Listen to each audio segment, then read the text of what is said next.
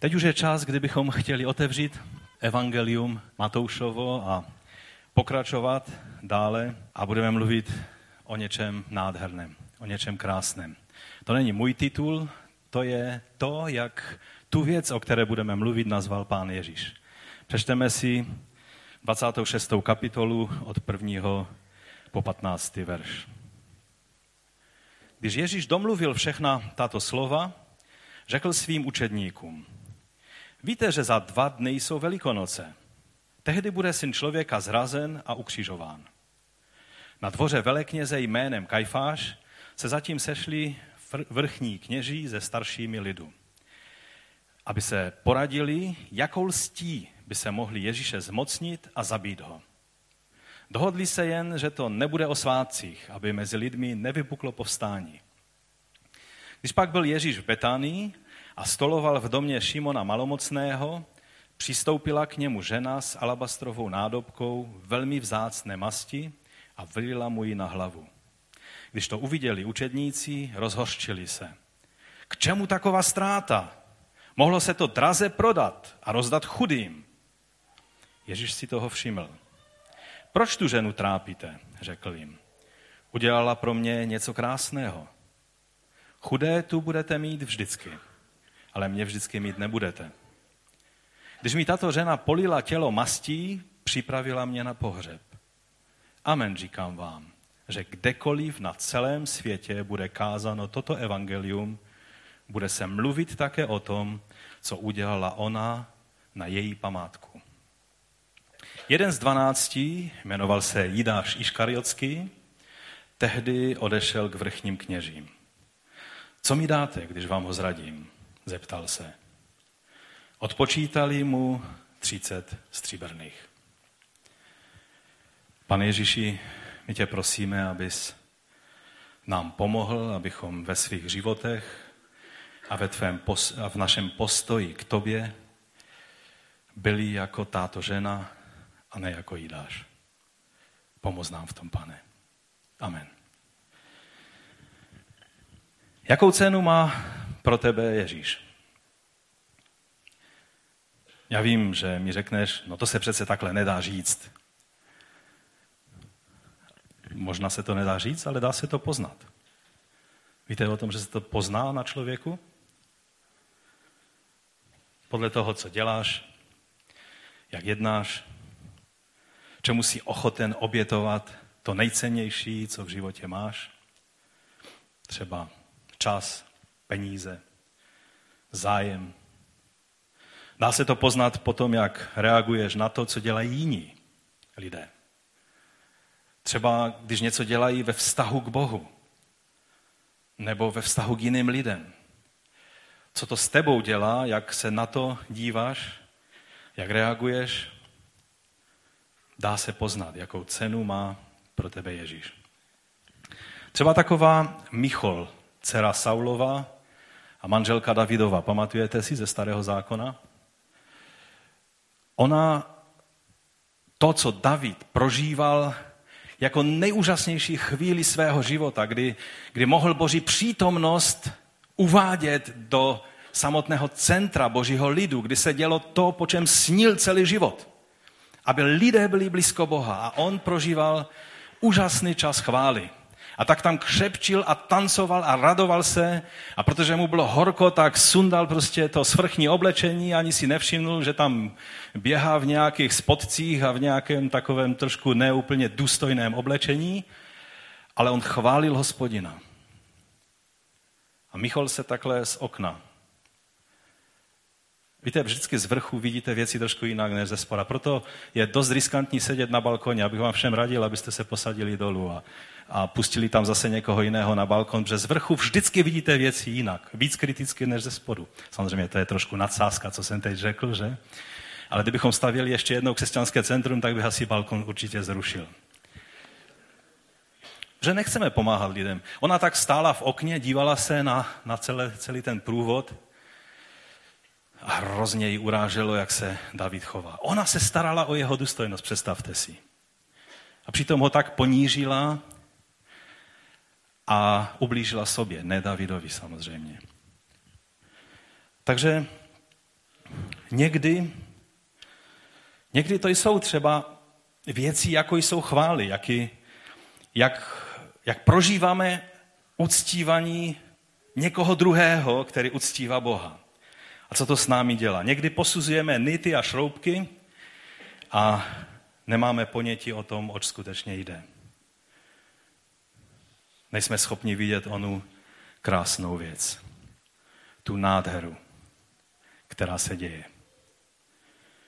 Před námi dnes je příběh, ve kterém nám to Matouš jasně ukazuje. Ukazuje nám dvě situace, a jak jsem už vám mnohokrát říkal, Matouš je mistr v tom, jak sladí dohromady ty příběhy a ty, a, a ty vyjádření a ty věci, které, které dá do souvislosti. A neříká nic, ale každý, kdo pečlivě čte, tak musí poznat, co nám chce říct. My máme ještě takovou pomůcku, že se můžeme podívat do jiných evangelií, kteří mluví o stejné věci a pak vidíme třeba e, ty další věci, které Matouš nechal jenom tak působit v náznacích a ti jiní to třeba popsali, popsali zcela otevřeně. Ukazuje dvě situace, také dva lidi. Nemůžou se od sebe lišit víc. Pro tu ženu za chvíli poznáme, že to byla Marie, eh, ta z Betanie, měl Ježíš hodnotu nevyčíslitelnou. Jeho hodnota se pro ní nedala vyčíslit. Pro Jidáše měl jakou hodnotu? Poslední slova toho příběhu jsou 30 stříbrných. To je cena, kterou člověk byl povinen zaplatit za otroka, když váš bík zabil cizího otroka a vy jste mu dlužili za toho otroka peníze, tak jste zaplatili 30 stříbrných. To byla ta cena, taková minimální cena za otroka. To byla hodnota Ježíše, Mesiáše v očích Jidáše. Marie si vysoce cenila Ježíše. Viděla v něm kulminací, středobod všeho, v co doufala, v co věřila. Jidáš si vysoce cenil peníze. Byli vším, čím se dalo sehnat a všechno. Vždyť o peníze jde až v první řadě, jak řekl jeden vlivný člověk téhle země. Jídaš by byl takovým dobrým občanem téhle republiky, protože u něho vždycky o peníze šlo až v první řadě.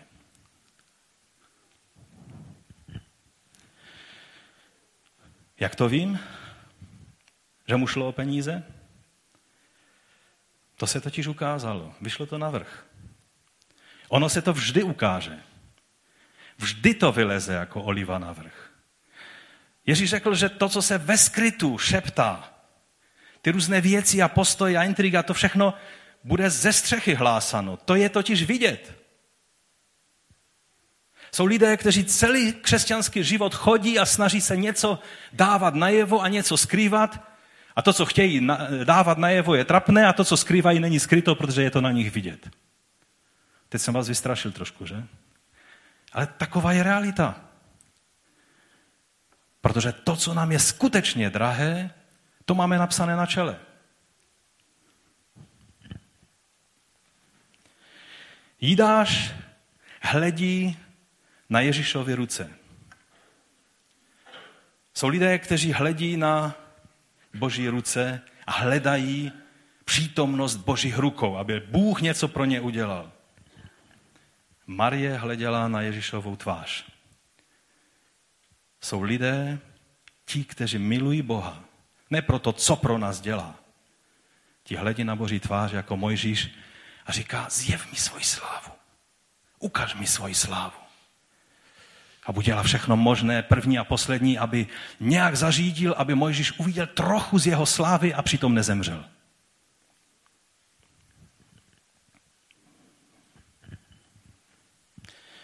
Jidáš hledá, co by mohl mít z Ježíše. Marie hledá v domě, co má to nejdražší a nejcennější. Co má, aby tím mohla uctít Ježíše. Matouš nám záměrně dává tyto dvě situace, tyto dvě skupiny lidí, tyto dva jednotlivce do kontrastního obrazu abychom pochopili situaci ve světě. Tyto dva obrazy totiž můžeme vidět všude kolem sebe, pokud jsme vnímaví. Když čteme o tom, co se dělo v Sanhedrinu a, a ty postoje Jidáše, to je jeden svět. Ale tady je doprostřed tohodle Matouš vložil a v tom je mistr. Příběh, který ukazuje něco úplně z jiného světa. Mé království není z tohoto světa, říká Ježíš.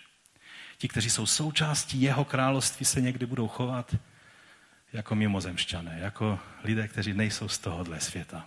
Jakoby na ně pravidla tohohle světa neplatila, ale na ně platí pravidla království. Ale pojďme po pořádku. Můj první bod je, že Ježíš oznamuje učedníkům blížící se zradu a ukřižování.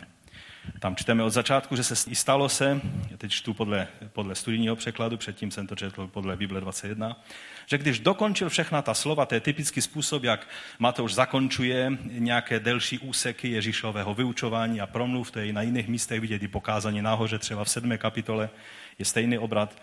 I stalo se, že když Ježíš dokončil všechna ta slova, řekl Ježíš svým učedníkům, víte, že za dva dny bude hod beránka a syn člověka bude vydán, aby byl ukřižovan? Ježíš to nemohl říct jasněji. Řekli bychom, že to řekl polopatě, úplně jasně. Nešlo to nějak špatně pochopit.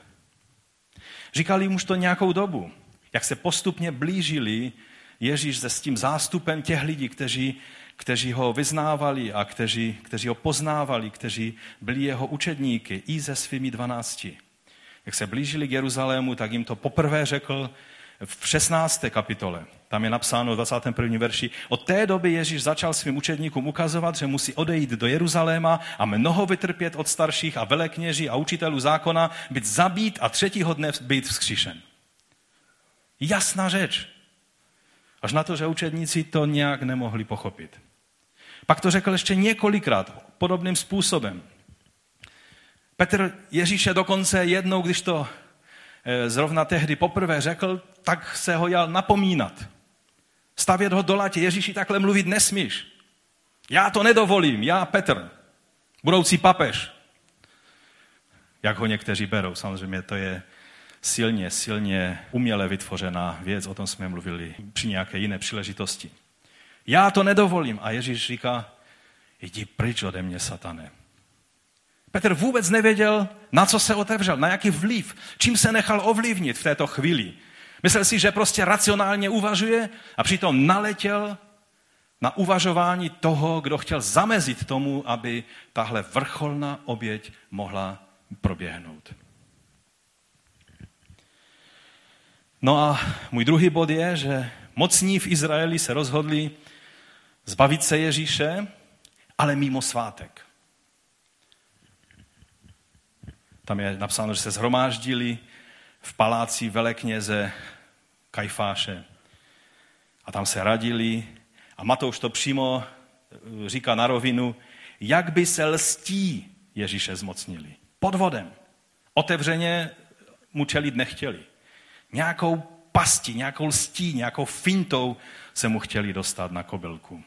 Ale říkali, ale ne ve svátek, aby nenastalo pobouření mezi lidem. Víte, zatímco Ježíš oznámil učedníkům, že bude obětovan jako pascha, jako beránek pašijovi, vůdcové Izraele se zrovna rozhodli, Matouš to staví do protikladu, že se ho ano zbaví, už se rozhodli, že ho zabijou, ale domluvili se, že to odloží minimálně na devět dnů. Že byli dva dny před paschou a sedm dnů byl svátek nekvašených chlebů, zjednodušeně se tomu celému říkalo pascha.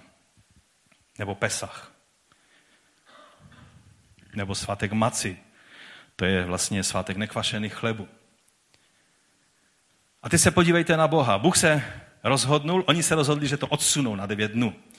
Ano, zabijeme ho, jsme domluvení, ale uděláme to ve vhodnějším čase, který nám se zdá vhodný. A, a Bůh se tak na ně podíval a říká se, když jste se teda rozhodli, tak to uděláte přesně v hodinu, kdy budou první beránci pašijoví obětování v chrámu. V tu hodinu. 14. Nisanu. Ve tři hodiny odpoledne. přesně tak, jak to má být. Kdo měl pravdu? Oni s tím svým rozhodnutím nebo Bůh? Matouš nám tady velice silně zdůrazňuje Boží suverénní moc nad každou okolností. Víte, velice často zapomínáme na to, pamatovat na to, že Bůh si může dělat, co chce. Mnozí křesťané mají takový pocit, že když už poznali nějaké principy, jak ty věci v království chodí, že můžou ty principy nějak používat a Bůh bude fungovat podle toho, jak oni, jak oni e, očekávají a Bůh pak dělá věci jinak a jsou z toho takový trošku nesví. Chci vám říct, že Bůh si vždycky bude dělat své věci. Buď se my trefíme do jeho plánu, nebo netrefíme, ale on si bude dělat vždycky svoje.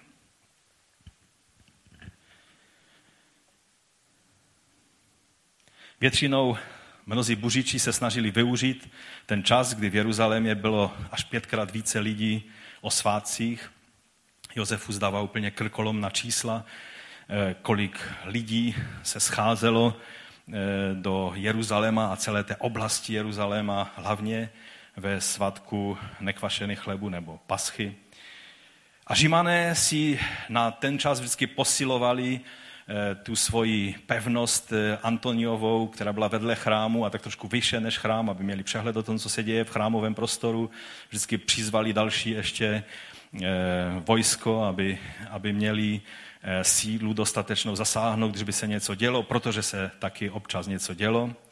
No a vůdcové v Sanhedrinu se snažili tomu předejít za každou cenu, aby se nic nestalo, co by pobouřilo Římany nebo nebo narušilo ten poklidný průběh toho svátku. Tehdy byl totiž veleknězem Kajfáš, to byl zeď Anáše, eh, to je zkrácené jméno Ananuse, eh, to je jeho plné jméno. Galerius Gratus, který byl Pilátovým předchůdcem, ustanovil eh, Josefa Kajfáše v 18. roce po celkem krátké době, kdy Anáš byl veleknězem. Správně podle písma velekněz měl být jak dlouho? Až do smrti. Takže oni tak trošku neoficiálně stále uznávali Anáše, protože byl takový velekněz emeritus, tak ho uznávali jako velekněze, ale za jeho života se vystřídal jeho zeď a pět dalších jeho synů jako veleknězové, ale tou šedou eminencí byl stále Anáš. Ale Kajfáš měl jednu zvláštnost, že všichni byli veleknězi velice krátkou dobu, rok, rok a půl a takové období, v tom prvním století až do pádu chrámu. A Kajfáš byl celých 18 let. Co nám to o něm říká? Že to byl velice mazaný politik, že? Že dokázal vždycky to nějak zařídit, aby římané se byli klidní a židé také spokojení. Uměl prostě v tom chodit. To byl Kajfáš.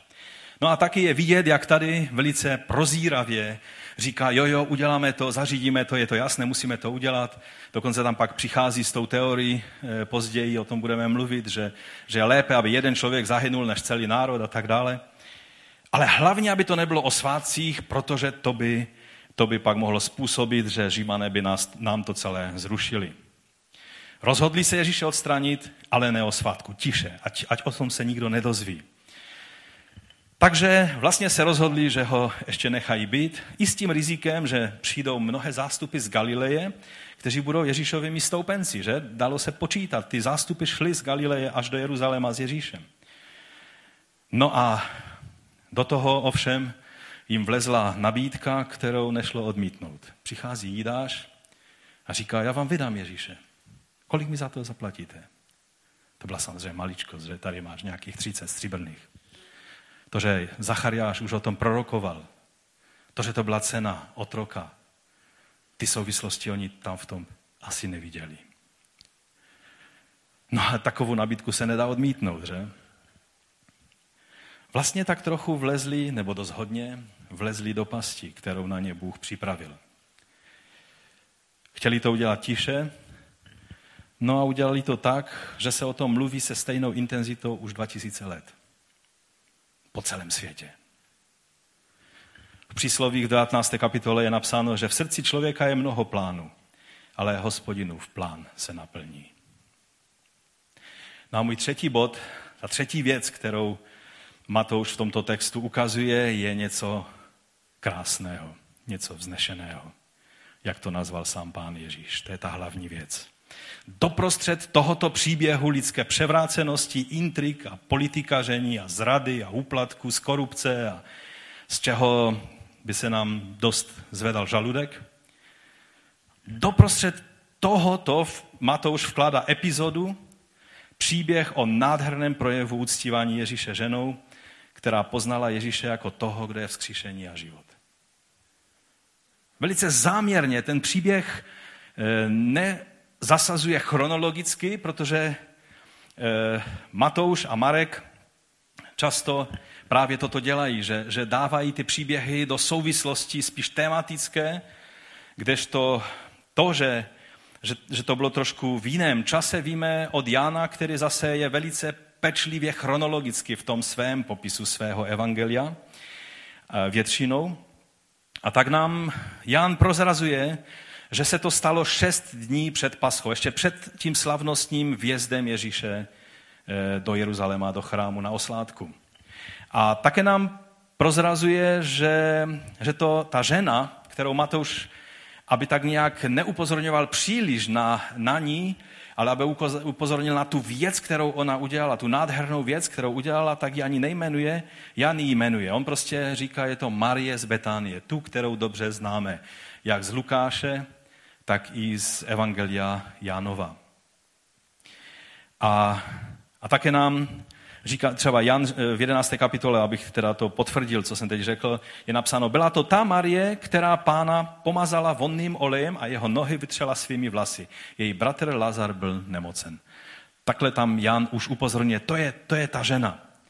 A, a také nám říká Jan, že, že tam byl Lazar, on nám to celé odhaluje. Matouš to chtěl jenom tak tak ukázat v těch náznacích, aby ten reflektor byl na, na tom, co se stalo. A Jan tento rozmáznul úplně, napsal všechno, že tam byl Lazar, že tam byla, e, byla Marta, která, která posluhovala u stolu, jak jinak, že? To je, to je Marta, vždycky ji takhle vidíme. A také píše, e, nebo se dozvídáme z Matouše, že to bylo v domě Šímona Malomocného. Znamená to, za prvé nemůže to znamenat, že byl malomocný v té chvíli, protože by nemohl pozvat hosty, musel by být za městem někde pryč v odděleném prostoru. Ale víte, co nám to říká? Že stále ještě měl jméno jako malomocný, to pojmenování mu zůstalo, ale z lepry jej uzdravil Ježíš. Byl to člověk, kterého Ježíš uzdravil. A tak se říkalo, jdeme dneska na návštěvu. K Šimonovi, tomu malomocnému. Když lidé vytřeštili oči, tak řekli, musím vám říct příběh o tom, jak ho Ježíš uzdravil. Takže někdy zůstanou ještě nějaké znaky toho starého života na nás. Někteří, kteří se potetují nějakými ďábelskými tetováními ve starém životě. Nevždy Bůh udělá takový zázrak, jak jsem slyšel svědectví o jednom muži, který se strašně trápil, že měl ďábla vytetovaného na svém těle a, a měl také jiná tetování. A, a když přišel ke kštu, tak se tím trápil. Jak já můžu být pokštěn, když mám takové tetování na těle? A když ho pokštili a vytáhli ho z vody, to jiné tetování mu zůstalo a ten ďábel byl pryč. Ale nevždy se to stane. Někdy takovéto škaredé tetování na nás zůstane jako, jako takovéto pojmenování, jo, to je ten malomocný. Ale už není malomocný.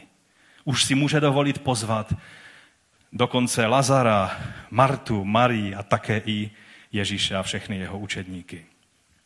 Takhle, takhle se to stalo. Byla to taková slavnost vděčnosti za to, co Ježíš udělal pro Lazara, jeho rodinu a také pro Šimona Malomocného a jeho rodiny. To byla sešlost, kde bych chtěl být. Na tom jednání toho Sanhedrinu, na to bych neměl žaludek. Ale tady bych chtěl být. Takový je rozdíl mezi tímto světem, ze kterého se nám někdy zvedá žaludek, a mezi královstvím Božím. Rozumíte? Tady byl Šimon malomocný, uzdravený mocí Ježíše.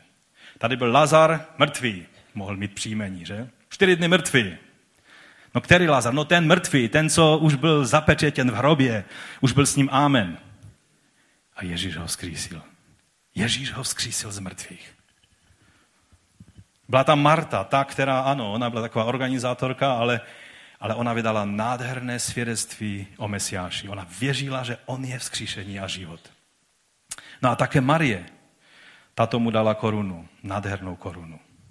Udělala něco krásného udělala něco, čím všechny překvapila. Víte, většinou se to vykládá, ten příběh, když si ne, ne, nepodíváme se pečlivě na kontext a co nám tady Matouš chce naznačit, a také jiní evangelisté, tak se to vykládá jako jednoduše spontánní akt úcty a lásky a, a vděčnosti. Dovolte, že vám to ukážu v tom kratičkém čase, který mi ještě zbývá, trošku z jiné stránky. Marie je ta, kterou vždy vidíme u nohou Ježíše. Když, měl, když Lázar zemřel, tak eh, nejdříve tam byla Marta, ale když přišla Marie, tak tam je napsáno, že padla Ježíši k nohám.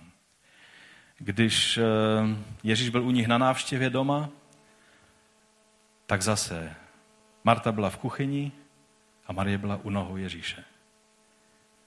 A teď ji tady zase vidíme.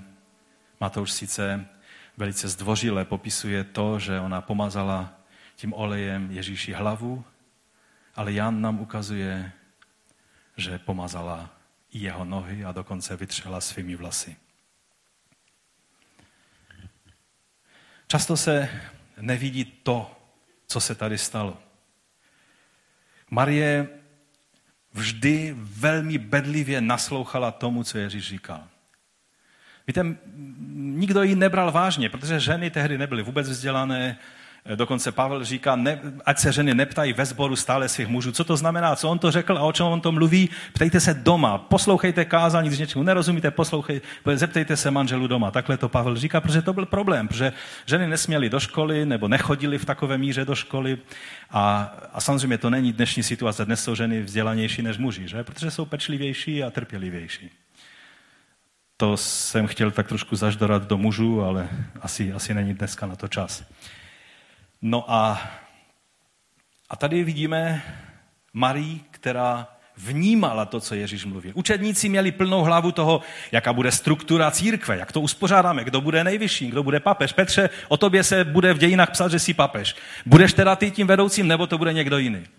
Tohle řešili učedníci a Marie poslouchala, bude zabít, bude mučen a třetího dne stane z mrtvých.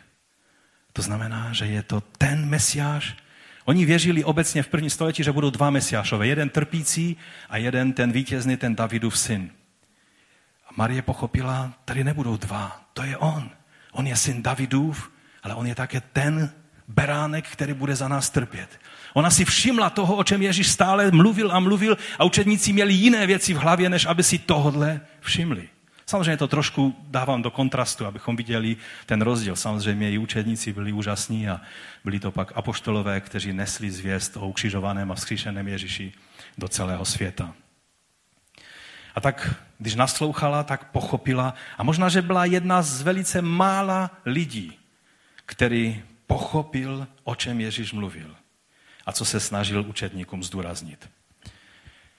Marie se pečlivě připravila na to, aby mohla pomazat Ježíše s vděčností za to, že se odhodlal být beránkem pro nás. Udělala to vědomě. Pomazala jeho hlavu a nohy. Nebyl to spontánní akt nějaké takové prostě emotivní reakce, ale bylo to něco, co v ní narůstalo a řekla si, tohle musím udělat. Vemu všechny úspory. Jsou situace, které se nebudou opakovat jsou Bohem dané příležitosti. Rozuměj talenty, vzpomínáte? Které už nikdy se nebudou opakovat. Marie věděla, že je jedna možnost pomazat Ježíše před tím, co se na něj chystá, k té jeho oběti. Že to nemůže, nemůže udělat deset lidí, že to může být jeden člověk a ona se rozhodla, to budu já. Já to udělám. Chopila se té příležitosti a vzala nardový olej v nádobce. To je olej z kořené rostliny, která pochází z Indie a e, má specifickou vůni a také se přidával tento olej do kadidla, takže bylo to součástí e, chrámových bohoslužeb, když se dávalo kadidlo na kadidelný oltář tak tam i tento prvek, i tato vůně byla přítomna. Jinak se tomu říká spikanard A ona toho měla, to nám zase Jan prozrazuje, že toho měla celou libru.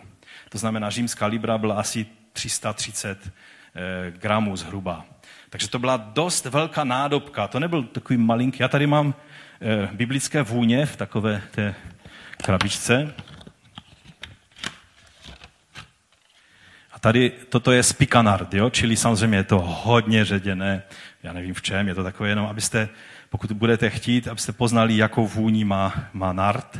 Eh, to znamená to, co použila v koncentrovaném, teda ten čistý olej nardový, použila Marie. Víte, kolik stál? Tohle nevím, to jsem dostal dárkem, takže nevím, kolik to stálo, ale asi to nebylo víc jak dvě stovky, bych řekl. Ale víte, kolik stál ten olej, který použila Marie? To byl roční příjem. Takže u nás takový celkem dobrý plat, kdybychom vzali v úvahu, tak takových 300 tisíc korun by to mohlo, mohlo být, že? jestli to správně počítám. Čili obrovskou cenu tato věc, kterou Marie možná použila celoživotní úspory, možná, možná rodinné dědictví. Možná se to tak dědilo z generace na generaci, když by náhodou bylo zlé, aby to prodali a měli prostředky. Možná to bylo její věno, které měla vnést do manželství, že ona byla ještě svobodná. Možná to bylo připravené, aby, aby prostě měla svou hodnotu jako nevěsta. Takhle se kdysi uvažovalo. A ona tu hodnotu těch 300 denárů vložila celé na Ježíše. A víte, zajímavé je, že ona nejen použila ten olej, ale ona tu nádobku rozbila. Který si z evangelistů píše, že rozbila tu nádobu a vylila ten olej. To znamená, že ona neotevřela tak opatrně a neukápla z toho, že to by vonělo taky. To, byla, to je silná vůně. Ale ona prostě vzala a urazila té nádobce, ona byla podobná jak tam ta na tom obrázku, urazila ten vršek, který byl zapečetěn a celé to použila. Celé to použila na Ježíše. Nešlo nějak umírněně zastavit tuhle věc a schovat trošku na příští příležitost. Ale ona šla na celou čáru. Víte, ona to nedělala proto, aby vešla do dějin, ale tím, co udělala, vešla do dějin. To je rozdíl. Chtěla to udělat na památku Ježíšovy smrti a Ježíš řekl, že to bude vždy, když se bude mluvit evangelium na její památku, bude ta věc zmiňována. Jaký je kontrast Marie s mnohými lidmi, kteří chtějí udělat něco, čím si zajistí slávu, že? Ona, prostá žena, která pečlivě naslouchala Ježíši, se stala slavná a přitom Matouš ani neuvádí její jméno. To si musíme zjistit sami. A všude po celém světě se o ní mluví. Ježíš to nazval, že je to nádherná věc, krásná věc, vznešená věc. To je překlad toho slova. Nebo nádherný čin by se dalo přeložit. Tak to viděl Ježíš, který přesně rozuměl tomu, co udělala. Jiní to ale viděli jinak. Matouš nám mluví o tom, že ji skritizovali učedníci. On, ono, e, Matouš zase nám tady ukazuje něco, co už je výsledkem, ale my se musíme dopátrat, jak vlastně k tomu ti učedníci přišli. Tady je řečeno, že jeho učedníci to uviděli a rozhoštili se a řekli, k čemu tato ztráta? Vždyť se to mohlo draze prodat a peníze dát chudým. Odkud ten názor učedníci vzali? Matouš nám to neříká, nechává to na nás, abychom si to zjistili. Vlastně ani na tom nezáleží, protože je odpovědností každého člověka, jaké názory přejíma. Boha nebude zajímat eh, v poslední den, když se s ním setkáš, jestli si ty názory chytnul od takového nebo onakého učitele, nebo tam jsi to vygoogloval, nebo na těch stránkách na to přišel. Ale co ho bude zajímat, jestli si naplňoval jeho vůli ve svém životě. Jsme zodpovědní za to, co čerpáme do sebe a nasáváme do sebe, jaké učení, jaké názory, jaké vlivy, jaké, jaké prostě náznaky toho, co nám lidé se snaží eh, nějakým způsobem nás ovlivnit a zmanipulovat někdy. Takže oni byli za to zodpovědní, ale Jan zase nám pomáhá v tom, že říká, že Juda Iškariotsky, jeden z jeho učeníků, který jej měl zradit, řekl, proč nebyl ten olej prodán za 300 denárů, dokonce cenu prozrazuje, on to měl přesně spočítaný, Judáš, že? A, a ty měly být dány chudým, říká Judáš. A tady Jan dává dovětek, to ne, že by mu záleželo na chudých, ale protože byl zloděj. Měl pokladnici a bral z toho, co se do ní dávalo. Strašně dovětek. No a jsme doma Ten, o kterém za několik hodin Ježíš řekl, že do jeho srdce vstoupil ďábel, byl zdrojem tohodle druhu uvažování. Rozumíte? Někdy, kdybychom uviděli zdroj, z kterého čerpáme své názory, bychom se lekli. Ale protože to duchovně necítíme, protože nejsme dostatečně blízko Ježíši, nejsme, nemáme rozeznání ducha, tak někdy čerpáme názory ze zdroje, které kdybychom uviděli, tak bychom v hruze utekli. Rozumíte? Marek říká, že někteří, někteří říkali to a to. Čili eh, Jan říká jídáš, Marek říká někteří a Matouš říká učedníci. Rozumíte? To, má, to je jak infekce. Jeden přijde s chřipkou, několik lidí má chřipku, všichni mají chřipku.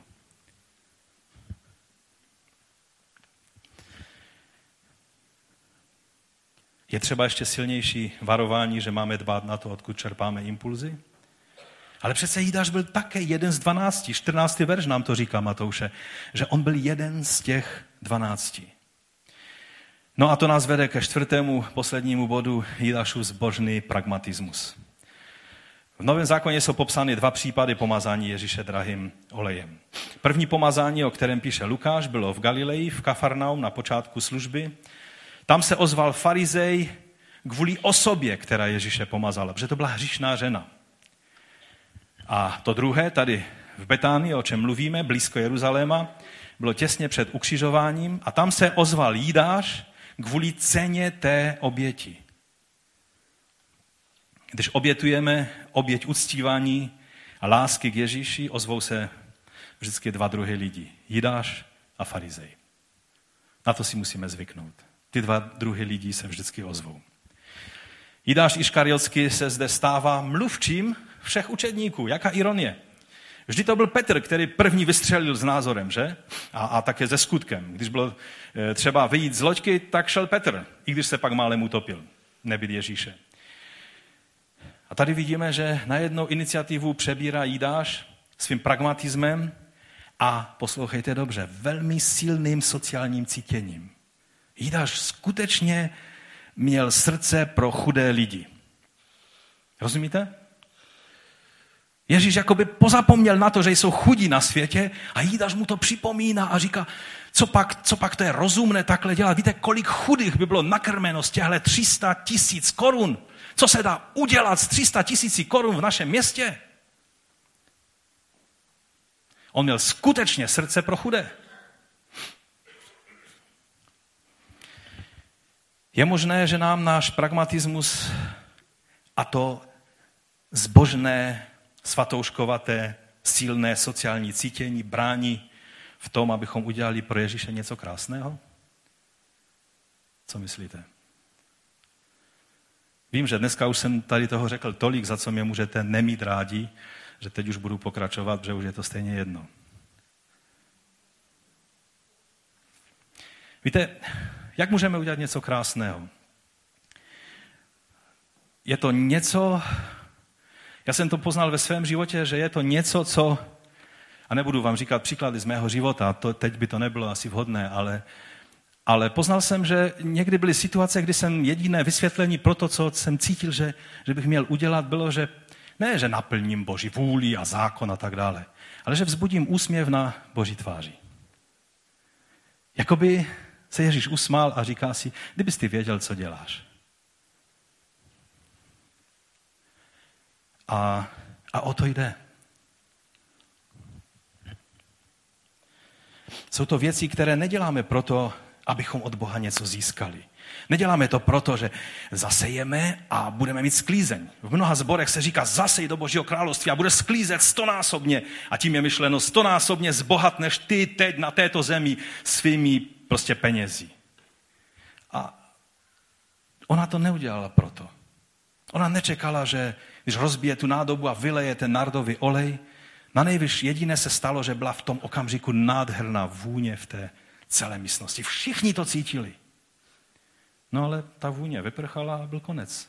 Žádný stonásobný výsledek ve své šlajtofli neobjevila.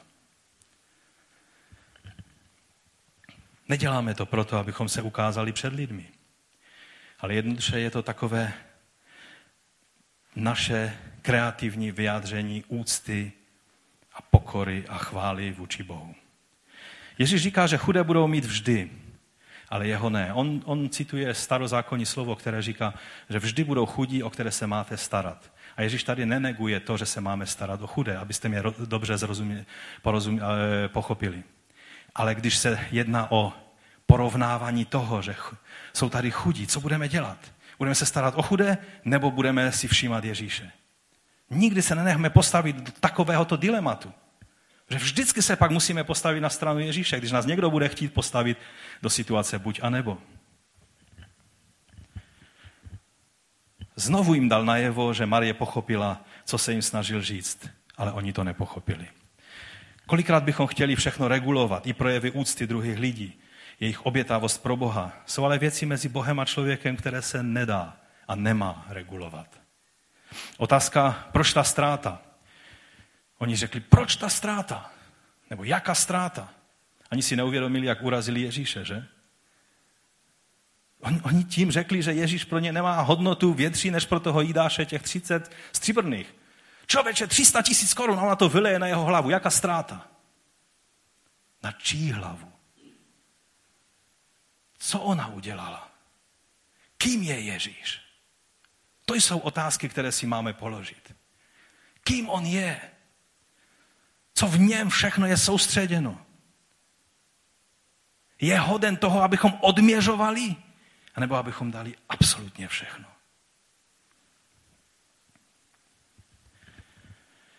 Jidáš to chtěl udělat takové zbožné, proto navrhnul to prodat a, a rozdat chudým. Teď je to tak hezké.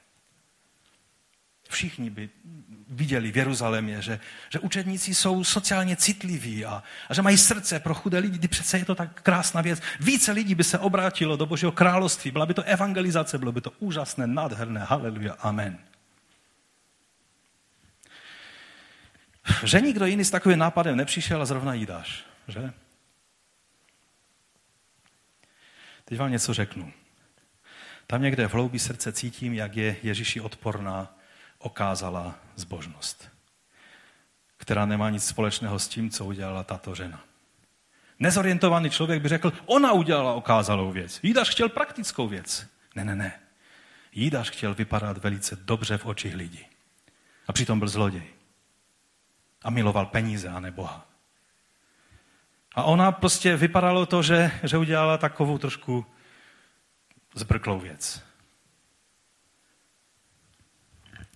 Kdyby tu stejnou věc, tu alabastrovou nádobku s nardovým olejem měl v rukou Jidáš, udělal by něco, co by vypadalo velmi zbožně a takové praktické, ale Ježíši by z toho bylo smutno, neli špatně od žaludku. Amen. Postaňme k modlitbě. Závěrem vám chci říct, že se musíme rozhodnout. Zda se chceme nechat inspirovat lidmi, jako je Marie, nebo pragmatiky a svatoušky, jakým byl Jidáš. Tahle volba je před námi. Pod fasádou toho svatouškovatého sociálního cítění byla jednoduše láska k penězům. I charitu se dá dělat tak, aby si na tom vydělal. Ne peníze ale reputaci, eh, pozornost lidí. Rozumíte? A Bůh to vidí. Falešná pokora je nejhorším druhem píchy. Jsou lidé, kteří jsou pišní na svoji pokoru a to je horší než pícha, která je prostě pícha.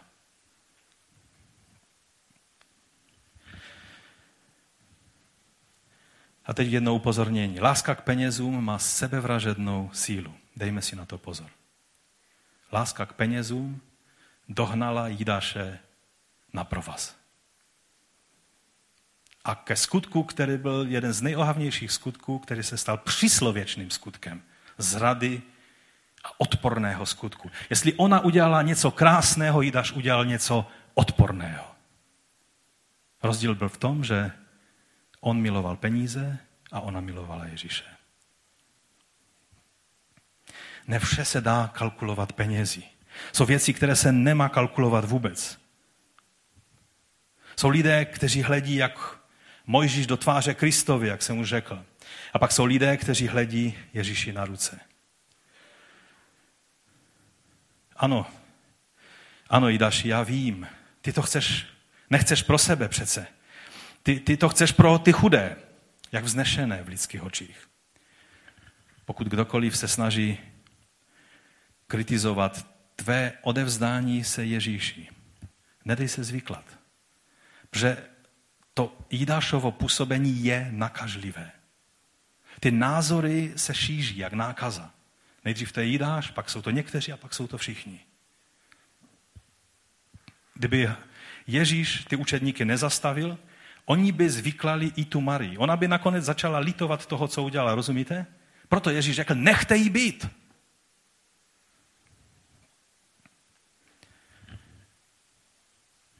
Nedejme se infikovat Jidášovým jedem. I když zní tak hezky zbožně a sociálně citlivě.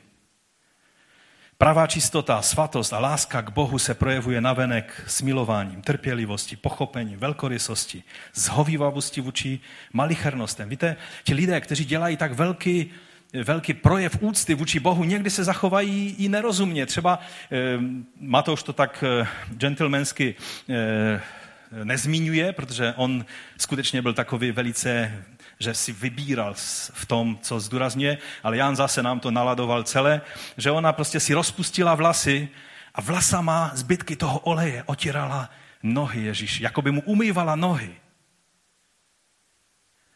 A samozřejmě pro ženu tehdy si rozpustit vlasy před muži v mužské přítomnosti bylo hodně neslušné. Čili udělala něco, co...